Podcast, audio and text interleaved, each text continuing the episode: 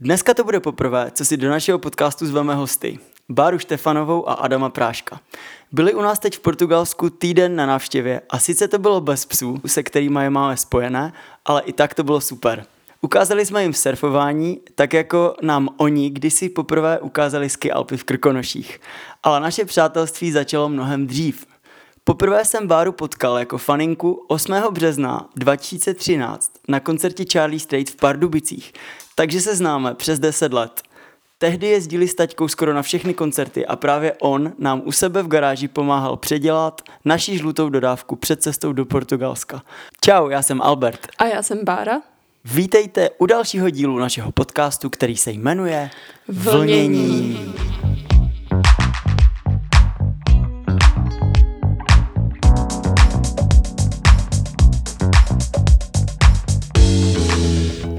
Já bych jenom chtěla dodat, že jsem strašně ráda, že našima prvníma hostama jste právě vy, protože vás bereme jako dva mladí inspirativní lidi a strašně nás baví, co děláte a baví nás pozorovat vaší životní cestu, takže děkujeme, že jste tady s náma a vítejte. Vítejte ve Vlnění, Bára Štefanová a Adam Prášek. Takže Baru, pamatuješ si na ten den, kdy jsme se poprvé poznali? Když jsme se poprvé poznali, tak to si pamatuju moc dobře. Bylo to, eh, když v Praze napadlo strašně moc sněhu a Albert mi asi den předtím napsal, eh, jestli nejsme v Krkonoších, že by chtěli zkusit skialpy a eh, já jsem vlastně měla jet ještě ráno do práce, ale bylo tolik sněhu, že jsem ani svým autem nevyjela zpátky z Karlova náměstí na Vinohrady, takže jsem vlastně nemohla ani dojet domů a jela jsem vlastně s Várou Bárou a s Albertem eh, z Prahy do Krkonoš a tak to vlastně všechno začalo. A bylo to super, protože jsme po cestě stihli probrat uh, už hodně témat a věcí a vlastně jsem byla ráda, že jsme se po tak dlouhé době uh, s Albertem viděli a že jsem se hlavně seznámila víc s Barčou, s kterou prostě si hodně rozumíme. Já bych jenom chtěla dodat, že ten den jsme na Vinohradech viděli běžkaře. Jo, jo, jo. A já si z té cesty pamatuju, že jsme jeli naším autem, Jo, jo. Mitsubishi Pajero a e, jeli jsme se dvěma borderkama mm-hmm.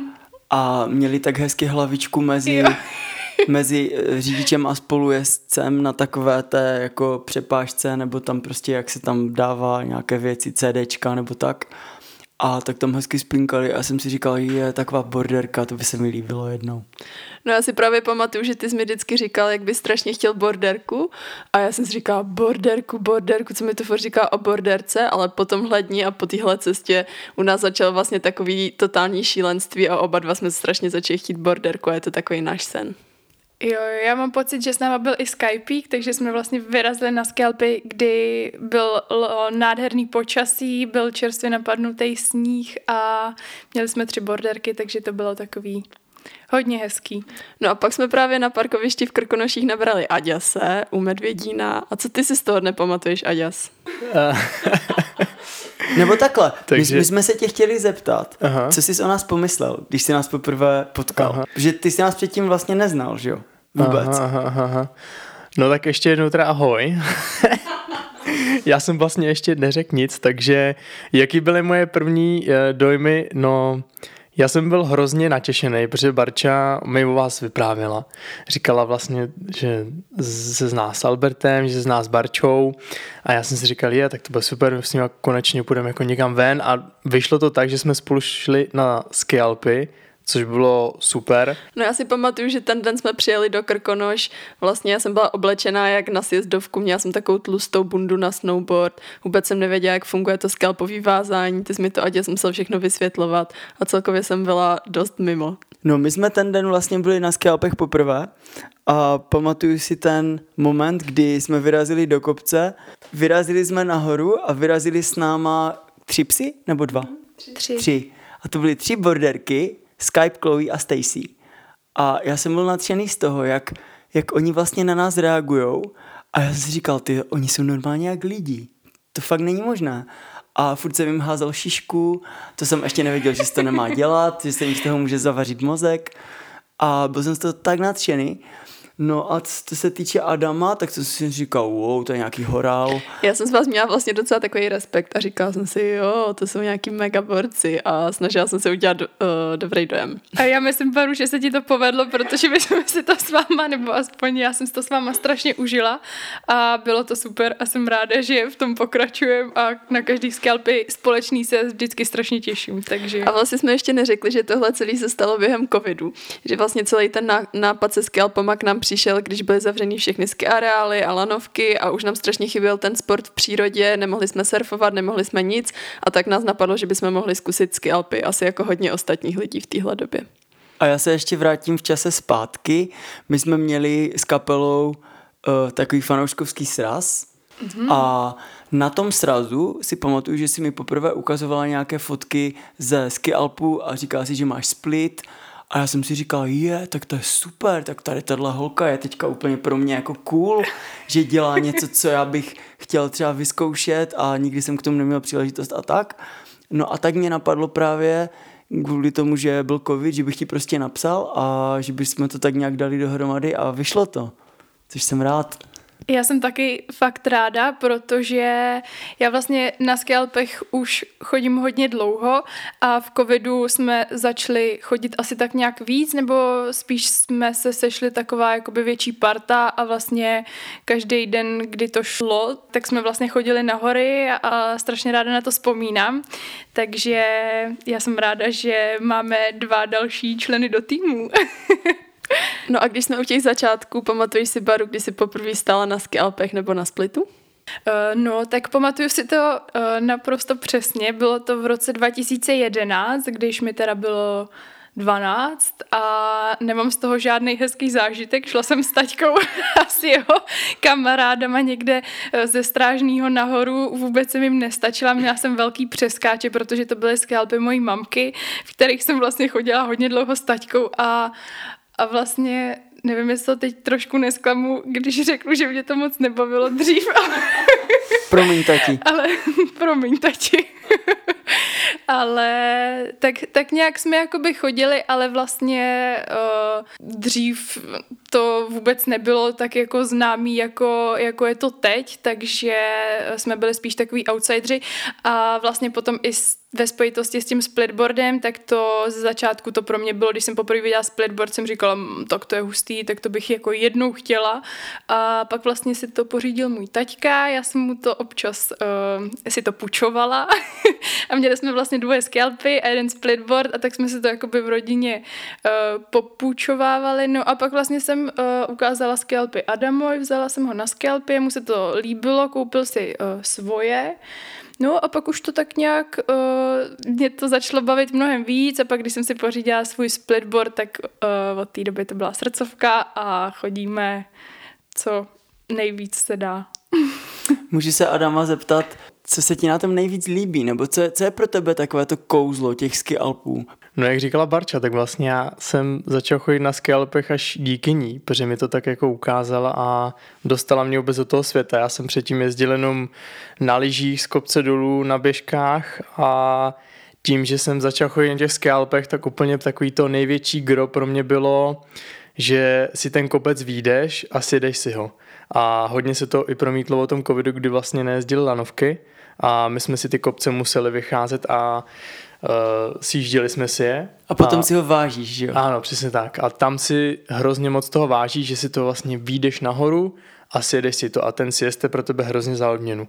Když jedeš lanovkou, což potom po covidu, jakmile se otevřely vleky, tak jsme šli na lanovku a já jsem vyjel nahoru a říkám, ty tady je něco špatně, tady prostě jako, hej, co je, tak a najednou tak si jedeš a nemáš to ten požitek, takže hlavně pro mě asi si myslím, byl takový ten první impuls, jako že si to výjdeš, sjedeš a druhá věc, že můžeš si výjít jako jakoukoliv cestou, můžeš si to sjet vlastně jako dá se říct jakoukoliv povolenou cestou, takže... Uh, bacha na to!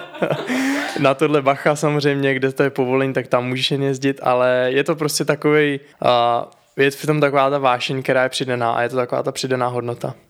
Já bych jenom chtěla k tomuhle dodat, že já když jsem vždycky viděla ski alpinisty, jak chodí nahoru po sjezdovce v lyžařských rezortech, tak jsem si říkala, pane bože, na tohle mě nikdo v životě nedostane, abych dobrovolně chodila do kopce. Ale vlastně po téhle první zkušenosti jsem úplně změnila názor a úplně jsem to pochopila prostě, proč to člověk dělá, protože sice jdete do strmého kopce, je vám třeba z toho špatně a už nemůžete, ale pak ten sjezd je taková euforie, že to se nedá, to se nedá prostě slovy popsat.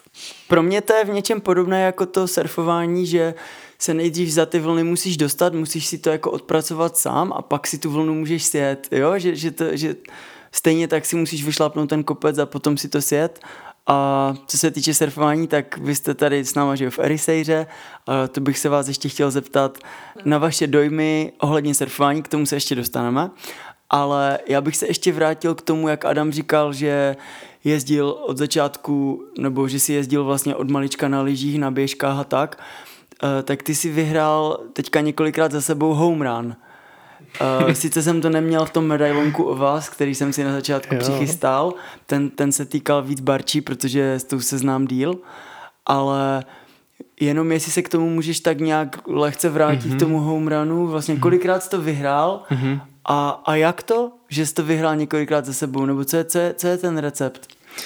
Ty to byla taková i náhoda, vlastně když jsem se tenkrát přihlásil a já jsem si pamatoval, že, to, že, jsme, že jsme někde zbarčovali v autě a já jsem začal říkat, hele ty tady na mě vyskočil vlastně Red Bull home run a říkám, tak pojďme spolu, Bára tenkrát. Já tě jenom přeruším, eh, co to vlastně home run je? Uh, je to prosím tě závod. Já bych tomu jenom chtěla říct, že eh, home run je šílený závod, na který bych nikdy nešla a vždycky se o Adama strašně bojím, takže uh, no. Což je pravda, protože když jsem startoval v Peci, tak mi minutu před startem psala Adame hlavně opatrně. Takže je to pravda, ale co je home run, eh, je to závod, kdy eh, ty vyjedeš nahoru lanovkou, už ten závod většinou je na konci eh, dne, na konci jako zavíračky, takže většinou ty skyrály zavírají před 16 hodinou a ty vyjedeš nahoru s lyžema a nahoře vlastně je 300 závodníků, většinou 300, taková byla i maximální kapacita. Naskládají se vedle sebe do určitý e, zóny lyže a jdou 300 metrů, je to různý podle toho, kde to je, ale jdou třeba 300-400 metrů, možná méně, abych nekecal, ale jdou vlastně pod, ten, pod, e, pod to místo, kde mají lyže, potom se hromadně vystartuje, běžíš co nejrychleji, sprintuješ, klížím, nacvakneš a tvým úkolem je co nejrychleji dojet dolů uh, do cíle. S tím, že ta sezdovka je samozřejmě uzavřená, jsou tam takový lehký koridory, abys nejela jakoby úplně furt rovně a kdo dojede úplně, kdo dojede, prv, kdo dojede dolů první prostě vyhrává. Jsou kategorie lyžaři snowboardiáci a, tak, a tak kolikrát no. jste vyhrál? A, já jsem to vyhrál třikrát, z čehož jsem ani jednou netušil, že to vyhraju, ale a ten první moment přišel v peci, kdy jsem to vyhrál na domácí půdě, dá se říct, protože v Peci jsem ten rok eh, dělal instruktora lyžařského, takže to byla taková srdcovka a pak jsem si vlastně řekl, hele, tak proč neskusit dál, tak jsme pak jeli na Šumavu, tam jsem to na špičáku vyhrál taky, což jsem si tenkrát říkal, že to nevyhraju, protože vedle mě kluci stáli v kombínách. Říkám, ty to je konkurence, prostě to nemám šanci. A vždycky se to zlomí v tom okamžiku, když já jako doběhnu nahoru první, což taky nevím, jak se může stát. Prostě tak máš, asi... máš ten náskok. Jo, vlastně jo, jo, díky tomu. tam mám ten náskok a asi tak nějak mi vyhovuje ta souhra uh, běhu a uh, takového toho sprintu, prostě třeba jak jsem jezdil na těch běžkách, tak tam něco je.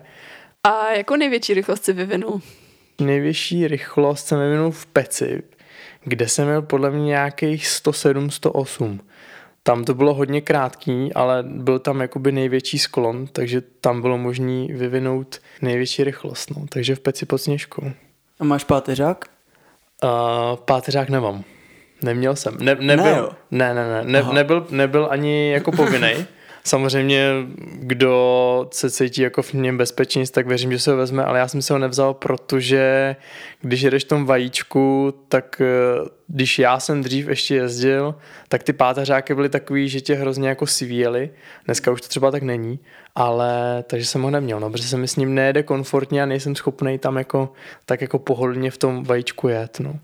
No a když jsme u těch lyží a sportu, tak vy jste mega sportovci. Ale taky pejskaři.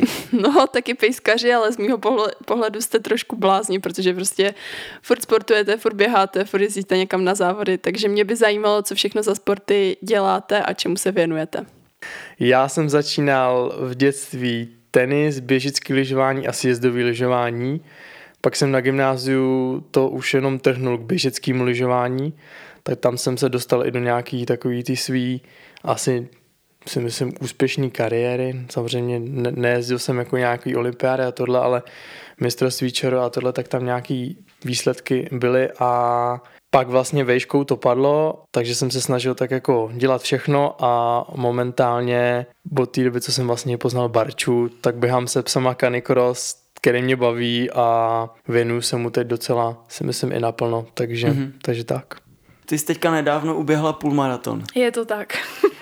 No tak, uh, no, tak abych to vzala nějak uh, od podlahy, tak vlastně dřív jsem se hodně věnovala agility se svojí fenkou border collie, která se jmenuje Stacy a věnovala jsem tomu vlastně všechen svůj volný čas, měli jsme hodně závodů a Eh, vlastně to byl celý můj život. Tomu jsem se věnovala hodně intenzivně. Potom vlastně, když jsem šla na vysokou školu do Prahy, tak jsem už tak trošku, ne, že bych se tomu přestala věnovat úplně, pořád vlastně máme tréninky ve Vrchlabí, pořádáme závody, ale nevěnuju se už tolik aktivně agility, i když bych se k tomu chtěla vrátit. Takže, takže to byla velká část, uh, ne, jako nevím, jestli se to dá brát úplně jako by sport, ale vlastně prostě hodně, hodně, určitě jsem tomu jako obětovala hodně času.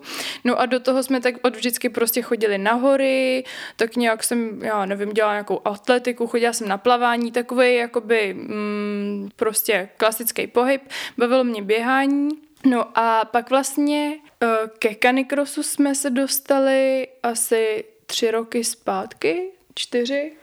A můžeš to nějak vysvětlit, ten Canicross? Určitě, určitě. Canicross, takže to je uh, běh se psem, kdy vlastně vy máte takový speciální postroj, ten postroj má i pejsek, je to takový uh, postroj vyloženě uh, vyrobený jako natah to, toho pejska, takže vlastně je to, aby se jim v tom dobře dýchalo, aby jim to dobře sedělo. Eh, je to docela věda najít jakoby správný postroj, takže určitě, kdybyste to chtěl někdo zkusit, tak si nechte poradit od někoho, kdo tomu rozumí. No a vlastně vy jako běžec jste spojený eh, vodítkem na gumě, s tím psem a, a běžíte. Běžíte, běžíte. Závody jsou většinou okolo 4 až 4,5 kilometru, není to tak dlouhý, ale vlastně vyvinete mnohem větší rychlost tím pejskem, takže uh, je to takový intenzivní, hravý a baví mě to moc. A co se týče kanikrosu, můžu běžet třeba s malým Yorkshirekem? Můžeš, eh, je víceméně pro všechny, důležitý je, aby ten pejsek byl zdravý a aby měl jako, mm, nejsou úplně vhodný nějaký jako extra těžký uh, plemena, protože je to samozřejmě zátěž jako na klouby, takže když ten pejsek nemá nějakou extra nadváhu nebo nějakou jako nemoc, tak je to vhodný víceméně pro všechny, akorát je fakt důležitý mít ten vhodný postroj a je fajn si zajít na nějaký tréninky, protože pod, pod vedením, protože za prvý uh, vám ty lidi poradí co a jak a za druhý uh, ten pejsek je jakoby ve větším množství pejsků víc namotivovaný, takže to je potom taky jiná zábava, jak pro vás, tak pro pejska. No a když někoho chytne Canicross, tak vám může přijet na závody, že jo? Taková malá reklama, ale, ale, ale nás to strašně baví, protože my, my s Bárou, tak jak vás známe a sledujeme, tak pro nás jste fakt inspirativní lidi, kteří dělají hodně různých takových jako svých projektů, ale jsou, jsou to všechno věci, události, jakože eventy, závody, eh, ve kterých, do kterých dáváte jako srdce, a spoustu energie a nám, nám, nám se to líbí a chtěli bychom mít taky trošku tímhletím směrem. Super, tak to jsem uh, moc ráda, že tohle říkáte. Uh, no já vlastně jsem se k pořádání dostala před deseti lety, když jsem uspořádala svůj první tábor pro děti ve Vrchlabí uh, právě s pejskama. Bylo mi 14. A A, do toho jsme právě už pořádali nějaký jakoby agility závody a v těch 14 to tak nějak začalo. No. Vlastně teď zpětně to taky moc nechápu, ale já jsem vždycky měla strašný štěstí na lidi kolem sebe, že nás tom vlastně někdo podpořil, někdo si jakoby nás vzal trošku pod křídla, co se týče administrativy, účetnictví a všeho, takže jsem za to strašně vděčná a teď už je to samozřejmě úplně o něčem jiným. A Baru, mohla bys prosím říct, čemu všemu se vlastně věnuješ, protože já třeba vím, že toho je hodně a je to všechno hodně zajímavý. No mám to rozdělený tak jako uh, na dvě části ve svém životě, že vlastně uh, vždycky tři dny, mám to teďka tak, uh, že jsem tři dny v Praze, kde se vlastně věnuju úplně něčemu jinému, než jsou psy, uh, máme tam terapie a vlastně uh, jsem studentkou školy klinické naturopatie, což mě moc baví a chtěla bych se tomu věnovat do budoucna, víc to spojit uh, s tou psychosomatikou, protože to mám taky vystudovanou Eh, takový kurz, takže eh, chtěla bych to do budoucna všechno nějak vlastně spojit, tu psychosomatiku, terapie, práci s tělem, takže to jsou moje tři dny v Praze a potom vlastně čtvrtky, pátky uh, mám vždycky tréninky ve Vrchlabí, což je moje srdcová záležitost, máme tam skvělou partu tréninky agility, aha, toho si moc vážím, že vlastně mám možnost to takhle kombinovat, že dělám fakt jakoby dvě, dvě věci, co mě naplňují a baví a dá se to vlastně takhle skloubit, že v Praze bych žít nechtěla, ale vlastně teďka mi to dává smysl a zároveň jsem na těch horách, kde prostě jdu na svůj milovaný medvědín s pejskama a jsem spokojená. A s Adamem jste se potkali jak? Jako, jestli mu můžeš dát slovo, protože Určitě. já se omlouvám za tyhle ty podmínky, ale když Adam chce něco říct, tak se musí hlásit. Máme jenom jeden mikrofon, takže sorry. My máme jeden mikrofon, takže asi raz. Uh, ono to je vlastně teď za dva dny, pět let zpátky. Takže máte tak, výročí? Takže my, ano, my budeme slavit výročí a my jsme se potkali si myslím takovou hezkou cestou, že jsme se pot, nikdy v životě předtím neviděli, ani jsme si nepsali, potkali jsme se ve Vrchlabí na takových slavnostech. Od té doby s Barčou potom jsme se jako zašli, zašli jsme spolu sportovat a je tak nějak všechno poznat tím, že já jsem si hlavně vždycky, psa, vždycky jsem si přál psa, což mi Barča hodně splnila. K tomu jsem se chtěl právě dostat. Jo, jako jo. Tím, že jste se dali dohromady, tak já si to tak představuju, že si vplul do takového psího světa. No, plus jsem jako docela, si myslím, že ty border collie jsou prostě jiný než ostatní psy, takže najednou tam vzniklo úplně takový jako jo, máš zodpovědnost, ten pes je docela chytrý a musíš jako se o něj fakt starat a tady prostě domů, když přijdeš, tak zavřít to boudu, aby třeba neutekla, aby si něco nestalo, protože Barča bydlí vedle silnice. Myslím si, že jsem do toho skočil docela jako rychle, ale zároveň si myslím, že i dobře. A my jsme měli psa vždycky jen u babičky, takovýho Fox Terriera, který umřel, když mě bylo nějak šest a od té doby vlastně už jako v naší rodině pes nebyl, ale já jsem si tak trošku jako vždycky snil a říkal jsem si, až prostě budu mít čas a po škole, že si toho psa pořídím a čím, jsem, čím že jsem potkal Barču, tak uh, se to splnilo. A hned dvakrát. Hned, hned dvakrát, že vlastně uh, má Stacey a pak je tam ještě Skype, který má uh, tačka od Barči. Když si představím ty hory, Krkonoše, Ski Alpy, vás dva, nebo prostě další vaše kámoše, tak mně se k tomu ti psi strašně hodí. Mně, mně mm-hmm. vlastně ty hory bez, bez borderek přijdou strašně smutné. Vnímáte to podobně? Uh, určitě když jsem tenkrát i s těma psama začal sportovat, běhat, tak jsem si říkal, jo, to je super, prostě korty border collie tě třeba v ničem neomezují. Barča, ještě tady dám slovo na něco chce říct. No, já jsem k tomu chtěla ještě jenom říct, že já vlastně jsem strašně vděčná za to, že mám pejsky v životě, protože díky nim jsem poznala strašně moc fajn lidí. A jinak by mi to už asi moc nedávalo smysl, takže často se nás někdo ptá, jestli nás jakoby neomezují ty psy moc.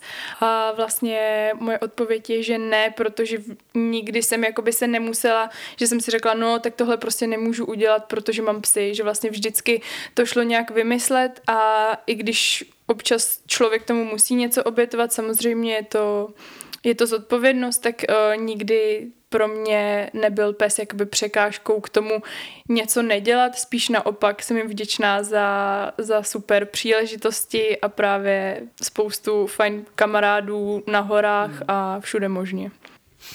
Já jestli můžu, tak já bych teďka trošku změnil téma. Já bych skočil v čase do garáže ve, ve Vrchlabí, protože my, než jsme se dostali vlastně sem do Portugalska, tak jsme si s Bárou koupili dodávku a mně se na tom celém procesu strašně líbilo to, že díky tomuhle autu jsem já strávil s tvým taťkou několik víkendů v garáži a vlastně jsem se s ním zblížil, jakožto s mým obrovským fanouškem Charlie Strait, Lake Malavy, který když si chodil na koncerty, kterého jsem tam znal prostě z nějaké, dejme tomu první řady nebo z páté řady, prostě jsem ho znal, ale vlastně jsem o něm nevěděl nic. Ale díky tomuhle projektu, té naší dodávce, jsem ho poznal víc a díky tomu, že jsme s váma i začali chodit na ty hory, tak jsem se tam s ním potkával a pak jste tam i figurovali vy, že když jste nás viděli, jak něco děláme v garáži a zrovna jste byli doma, tak se přiložili ruku k dílu a víte vlastně, co v té dodávce všechno máme, kde je ta izolace, kde jsou ty myší kožičky, kde máme ty světýlka, elektřinu. S Adamem jsme dělali repráky, že jo, teď nám to super zní. Takže já bych se chtěl vrátit tady k tomuhle a tímto bych vám chtěl taky poděkovat za nás, že, že jste nám tom vlastně pomohli.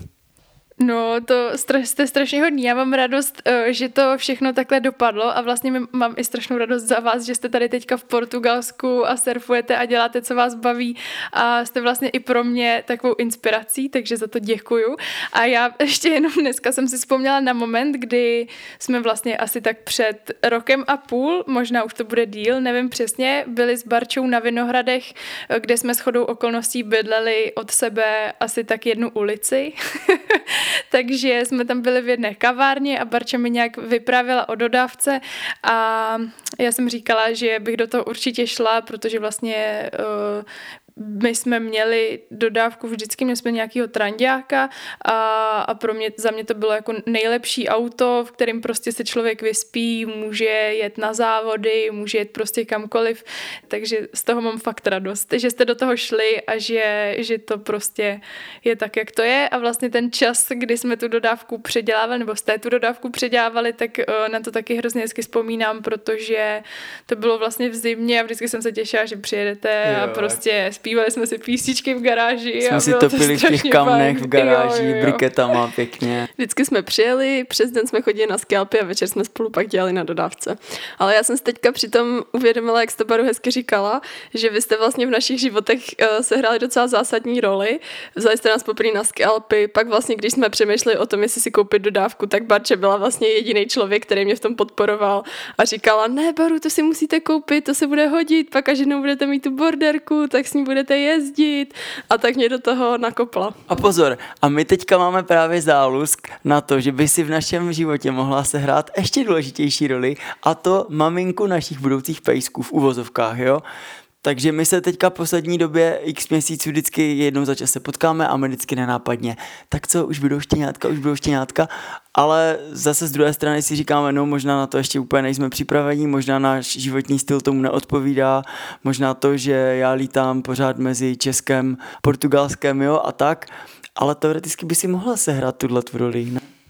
No, já myslím, že určitě a musím říct, že sen každého chovatele je, myslím, uh, majitel štěňátka ten, uh, jako jste vy, protože tolik, tolik nastudovaných věcí a takového zájmu uh, to fakt není samozřejmost, takže a sama vím, když jsme vlastně uh, jsme měli dva, dva vrhy štěňátek a je to fakt těžký jako vybrat toho správného člověka, komu, komu prostě to vymazlený dvouměsíční rostomilý štěně dá a vlastně mu tím strašně ovlivní život. Takže, uh, takže já chci jen podotknout, že Barča u tohle brečela po každý, takže je to pro ní, bylo to pro ní těžký se s těma malinkýma dvouměsíčníma štěňátkama rozloučit.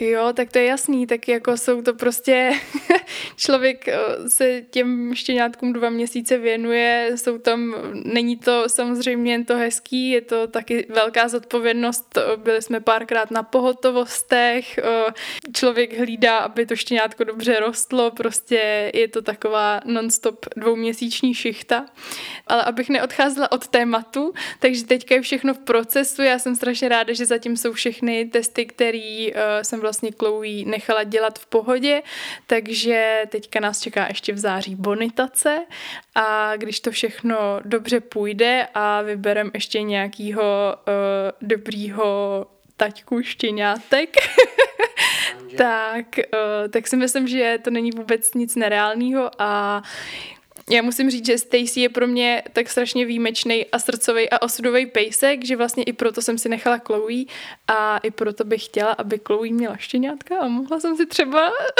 zase nějaký štěňátko nechat. To by se mi strašně líbilo, kdyby jsme měli vlastně štěňátka sourozence, to by bylo super. Ale já jsem si vzpomněla, že Albert ani nezmiňoval, že byl na takovém kozolamo kempu, kde se učil, jak trénovat kozy a lamy. takže, takže Albert už je fakt hodně připravený, už si koupil vodítko a klikr, akorát ten pes nám chybí. Ne, ale fakt, eh, čím víc toho o těch psech vím, tak, eh, tak tím víc si uvědomuju, že ta zodpovědnost to je a vlastně na to tak netlačím, protože taky toho dělám hodně, co se týče koncertů a časově je to docela náročné, přejíždím mezi městy a takže prostě až pejsek má přijít, tak přijde a já si myslím, že v pravý čas. A když jsme u těch psů, eh, je vlastně těžký nějak naučit psa s váma chodit na ski Alpy? Je to, je to něco, co se děje přirozeně, nebo jste eh, to ty pejsky museli nějak učit? Uh, ne, tak to určitě, určitě si myslím, že tady to je téma velký téma vlastně všech pejskařů, kteří chtějí s pejskama na hory chodit, na skalpy. A uh, já musím říct, že jsem si dala vlastně hodně záležet na tom, aby Stacy to uměla dobře, už tenkrát, když mě bylo někde těch 12, 13, 13 asi, a, a hodně, hodně jsme jakoby se snažili, aby byla jako samostatná, aby nedorážela vlastně na ty lyže, takže eh, tenkrát si i pamatuju, že jsem jí prostě, jsem si vzala lyže, obyčejný na kopec a vlastně jsem si s ní jenom hrála vedle těch lyží, aby na ně jakoby nějak nereagovala a uh, hodně jsem se tomu jakoby věnovala a snažila jsem se tomu předejít, protože jsem o ní měla strašně velký strach, byla to moje vymodlená borderka a při představě, že bych jí řízla nebo nic takového, tak jsem prostě se snažila tomu co nejvíc předejít a musím říct, že Stacy to hodně rychle pochopila. A vlastně mám pocit, že, že pak nějak Skypeak a Clovy se to naučili od sebe a určitě máme asi i trochu štěstí, že eh, to nejsou fakt nějaký problémový psy, protože znám i spoustu pejsků, který vyloženě jakoby chňapají po těch lyžích a nedokážou to pochopit, že vlastně si mají běžet sami, takže eh, tam jde potom samozřejmě o bezpečnost toho pejska a myslím si, že i pro spoustu lidí to je důvod, proč ty pejsky na skalpy nebrat. Já jsem se tady hlásil.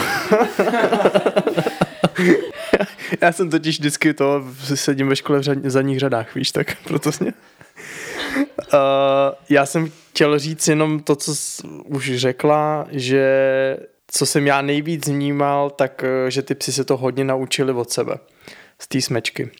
Jakmile my jsme brali Chloe před těma třema rokama, když se narodila, tak vlastně potom už uh, Skype a Stacinka byla takový zkušený a Chloe tak, jako, tak jenom jako k ním připlula a okamžitě to pochopila a hned věděla, hned věděla, že má běžet s nima vepředu a ne někde vedle nás.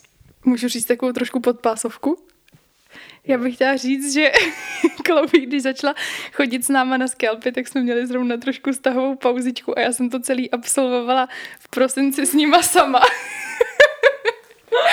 A vlastně jsem měla strašnou radost z toho, že jsem to zvládla sama. Jednou se mnou byl taťka a, a vlastně jsme jí to naučili vlastně, že, že jsme jí tak nějak jako pouštěli a běžela za tou Stacenou a za, za Skypem, takže myslím si, že to trvalo tak měsíc, než to Chloe pochopila a pak vlastně, když si s náma začal zase chodit, tak už to Chloe zvládala perfektně. Já bych chtěl říct, že tohle nemění nic na tom, že jsem tam nebyl, takže se to naučila i tak. I kdybych tam byl, tak by se to taky naučila, takže podpásovka to byla dobrá, ale Chloe se to naučila i beze mě. Jo, tohle můžem klidně vystřihnout. Ale vím, pamatuju si jakoby na moment, že jsem byla fakt pyšná, že, že jakoby si můžu jít sama se třema pejskama na skalpy na východ slunce a, a vlastně to zvládnu sama. Takže promiň, Adame, mám tě moc ráda. A jsem ráda, že s náma chodíš na skalpy dodnes. No a ještě k těm skialpům. Uh, mě by zajímalo, co byste doporučili člověku, co nás třeba poslouchá a strašně by to chtěl zkusit, strašně je to láká, ale nic o skialpech třeba neví, uh, mají do půjčovny půjčit si skialpy a sami vyběhnout na kopec, nebo třeba mají uh, si najít nějakýho guida, co si vzít sebou, co si vzít na sebe. Máte nějaký tipy k tomuhle?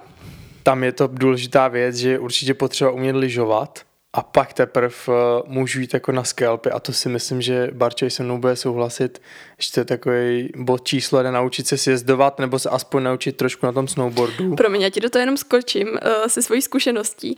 Já jsem si v lyžování docela věřila, protože jsme uh, vlastně jezdili s našima do Alp od mala a každý rok jsem lyžovala a byla jsem jako v bych řekla v pohodě lyžař, ale pak na ski Alpech jsem trošku narazila, protože mi přišlo trošku jiný lyžovat vlastně na sjezdovce versus pak třeba v hlubokém sněhu a mimo, mimo ten upravený terén. Asi to máš pravdu a ono zase teď je spoustu, spoustu možností, jak ty skialpy, buď to můžeš jít jako někde, kde to je dovolený, tak podél sjezdovky a pak vlastně si sedeš tu sjezdovku, jo, nebo my třeba, když jdeme brzo ráno, tak jdeme vlastně Medvědín a sjedeme urobovaný Medvědín, takže tam v podstatě jsme jako lyžaři, ale samozřejmě, když potom jdeš do nějakého toho terénu nebo jdeš nějaký ty skialpový trasy, tak tam už je to potřeba zase jako změnit. Ale mě třeba překvapilo, že ty skialpový že se vlastně chovají o dost jinak, že třeba i když jsme jeli po sjezdovce, tak jsem z toho měla dost jiný pocit než z mých klasických lyží. Vlastně se mi jelo o dost, o dost hůř.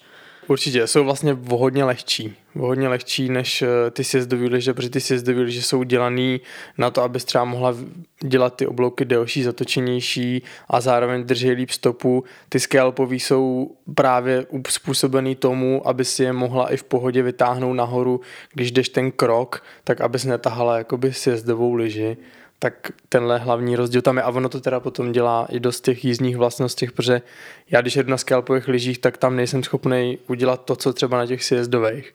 Takže dejme tomu, když bych měl jet home run na skalpových lyžích, tak ho rozhodně podle mě nevyhraju, protože ty lyže nejedou ani tak rychle a neumějí držet jako tu stopu ideální. Já vlastně kvůli tomuhle jsem trošku přesedlala na splitboard a na snowboard, i přesto, že na lyžích mám mnohem větší zkušenost, ale mně přišel ten pocit z toho splitboardu vlastně dost podobný jako na normálním snowboardu, že jsem v tom neviděla takovej, takovej rozdíl v tom pocitu z té jízdy. Zvlášť v tom freeridu, jako já, já mám pocit, že když jedeš na snowboardu, tak ten freeride, ten hluboký sníh si já třeba užiju trošku víc, ale tak možná to je tím, že na lyžích zas až tak dobře neumím.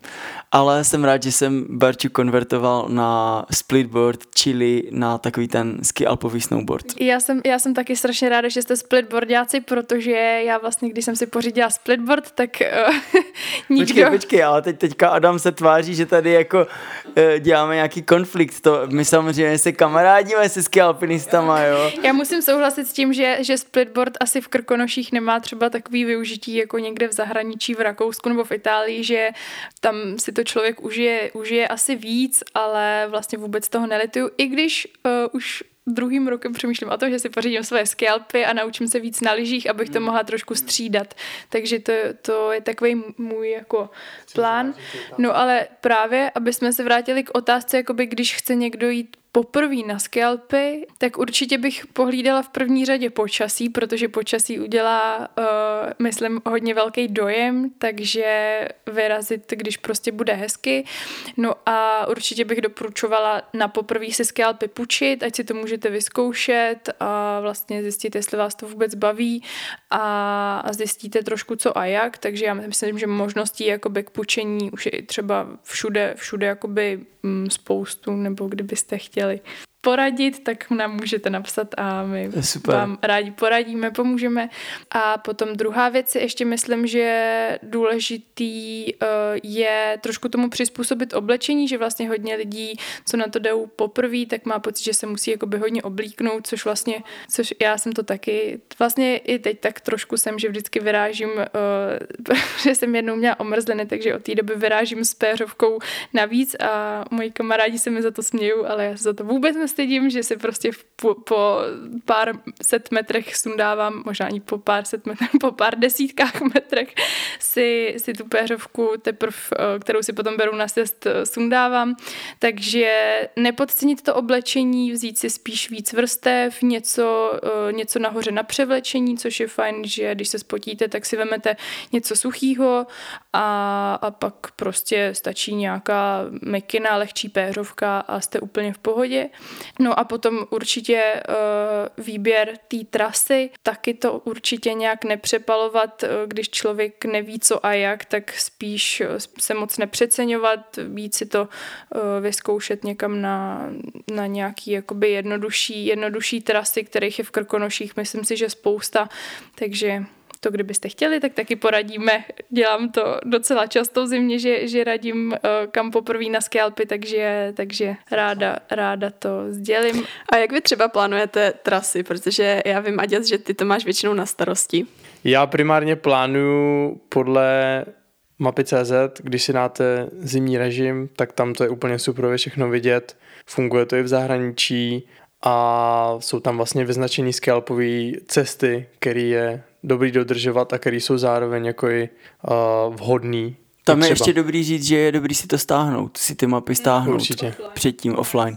Určitě, určitě. A ono primárně je lepší vždycky si to dělat ten večer, když jako vím, že další den na scalpy, tak si udělat nějakou přípravu, můžu kouknout na levinový stupeň, můžu kouknout, jaký bude počasí, podle toho už zjistím, jak si na to mám připravit, jestli třeba vůbec nejít, nebo jestli to hodí, nehodí. A podle toho třeba naplánu i tu trasu, jak dlouhá bude, co všechno sebou budu potřebovat, přesně jestli se mnou třeba jdou kamarádi, nebo jestli se mnou jdou ty psy, tak abych zbytečně nejel nějakým třeba extrémně hlubokým sněhem, aby ty psy prostě to jako dali se mnou a... To je hrozné, že já se skoro těším na to, až bude sníh. A přitom zítra jdeme surfovat, jsme v Erisejře a mám nastaveného budíčka na 5.44. Takže, přátelé, měli bychom pomalu končit a ještě než skončíme tuhle tu epizodu s Adamem a s Barčou, tak já bych se vás chtěl zeptat uh, na vaše první dojmy ze surfování tady v Erisejře a na dojmy jako z Portugalska, z tady té surfařské kultury celkově. To je moc hezká otázka na závěr, protože já jsem tady vlastně díky Barče v Portugalsku byla už minulý rok a byla to pro mě strašně fajn dovolená po, po bláznivém červenci, když jsme prostě měli právě ty tábory a je toho vždycky prostě strašně moc. Pak jsme spolu odletěli do Portugalska, kde vlastně oni tenkrát měli s Albertem dodávku, takže my jsme s Barčou uh, nevím, pár dní, deset, devět, tak nějak dní prostě bydleli v dodávce a já jsem měla půjčený surf a, a byla jsem prostě na prvních pár hodinách surfu. Eh, moc mě to bavilo. Portugalsko si, si mě hnedka získalo tím, že eh, tady je prostě super příroda a byli jsme na spoustu krásných místech, výletech, chodili jsme hodně na dobrý jídla, na kafíčka a tak, takže to pro mě byla moc fajn dovolena. No a vlastně když jsme tady letos takhle po druhý, tak musím říct, že se mi tady líbí ještě víc než, než minulý rok, uh, protože... Protože už máme teplou sprchu a protože už se nemusíme sprchovat na pláži a máme umytý čistý vlasy. ne, to, to si nemyslím, samozřejmě. Děkujeme tady za, za boží komfort, ale vlastně děkujeme, že se tady cítíme trošku jako doma díky vám, protože jste nás vzali na spoustu super míst a víte už co a jak a vlastně jste nám zařídili půjčení surfu a tak. No a já musím říct jednu důležitou věc, že dva dny zpátky jsme byli ve skateparku, kde já jsem zjistila, že vlastně jsem se učil, nebo jsem vždy jezdila jakoby špatnou nohou, což mě vlastně vůbec nedává smysl, protože mám správnou nohu jako stejnou jako na snowboardu. A, takže to bylo zjištění dne a vlastně asi celého týdne a od té doby jsem si sjela už pár nějakých hodných vlnek mám z toho strašnou radost a těším se, těším se, až zase pokročím v surfování a snad prostě co nejdřív zase uh, budeme moc někam na surfy vyrazit. Tak to máme velkou radost. fakt, protože přijít na to, kterou nohou dopředu, to je fakt zásadní věc. Uh, no a Aďas myslí, že na surfování stačí dobrá fyzička?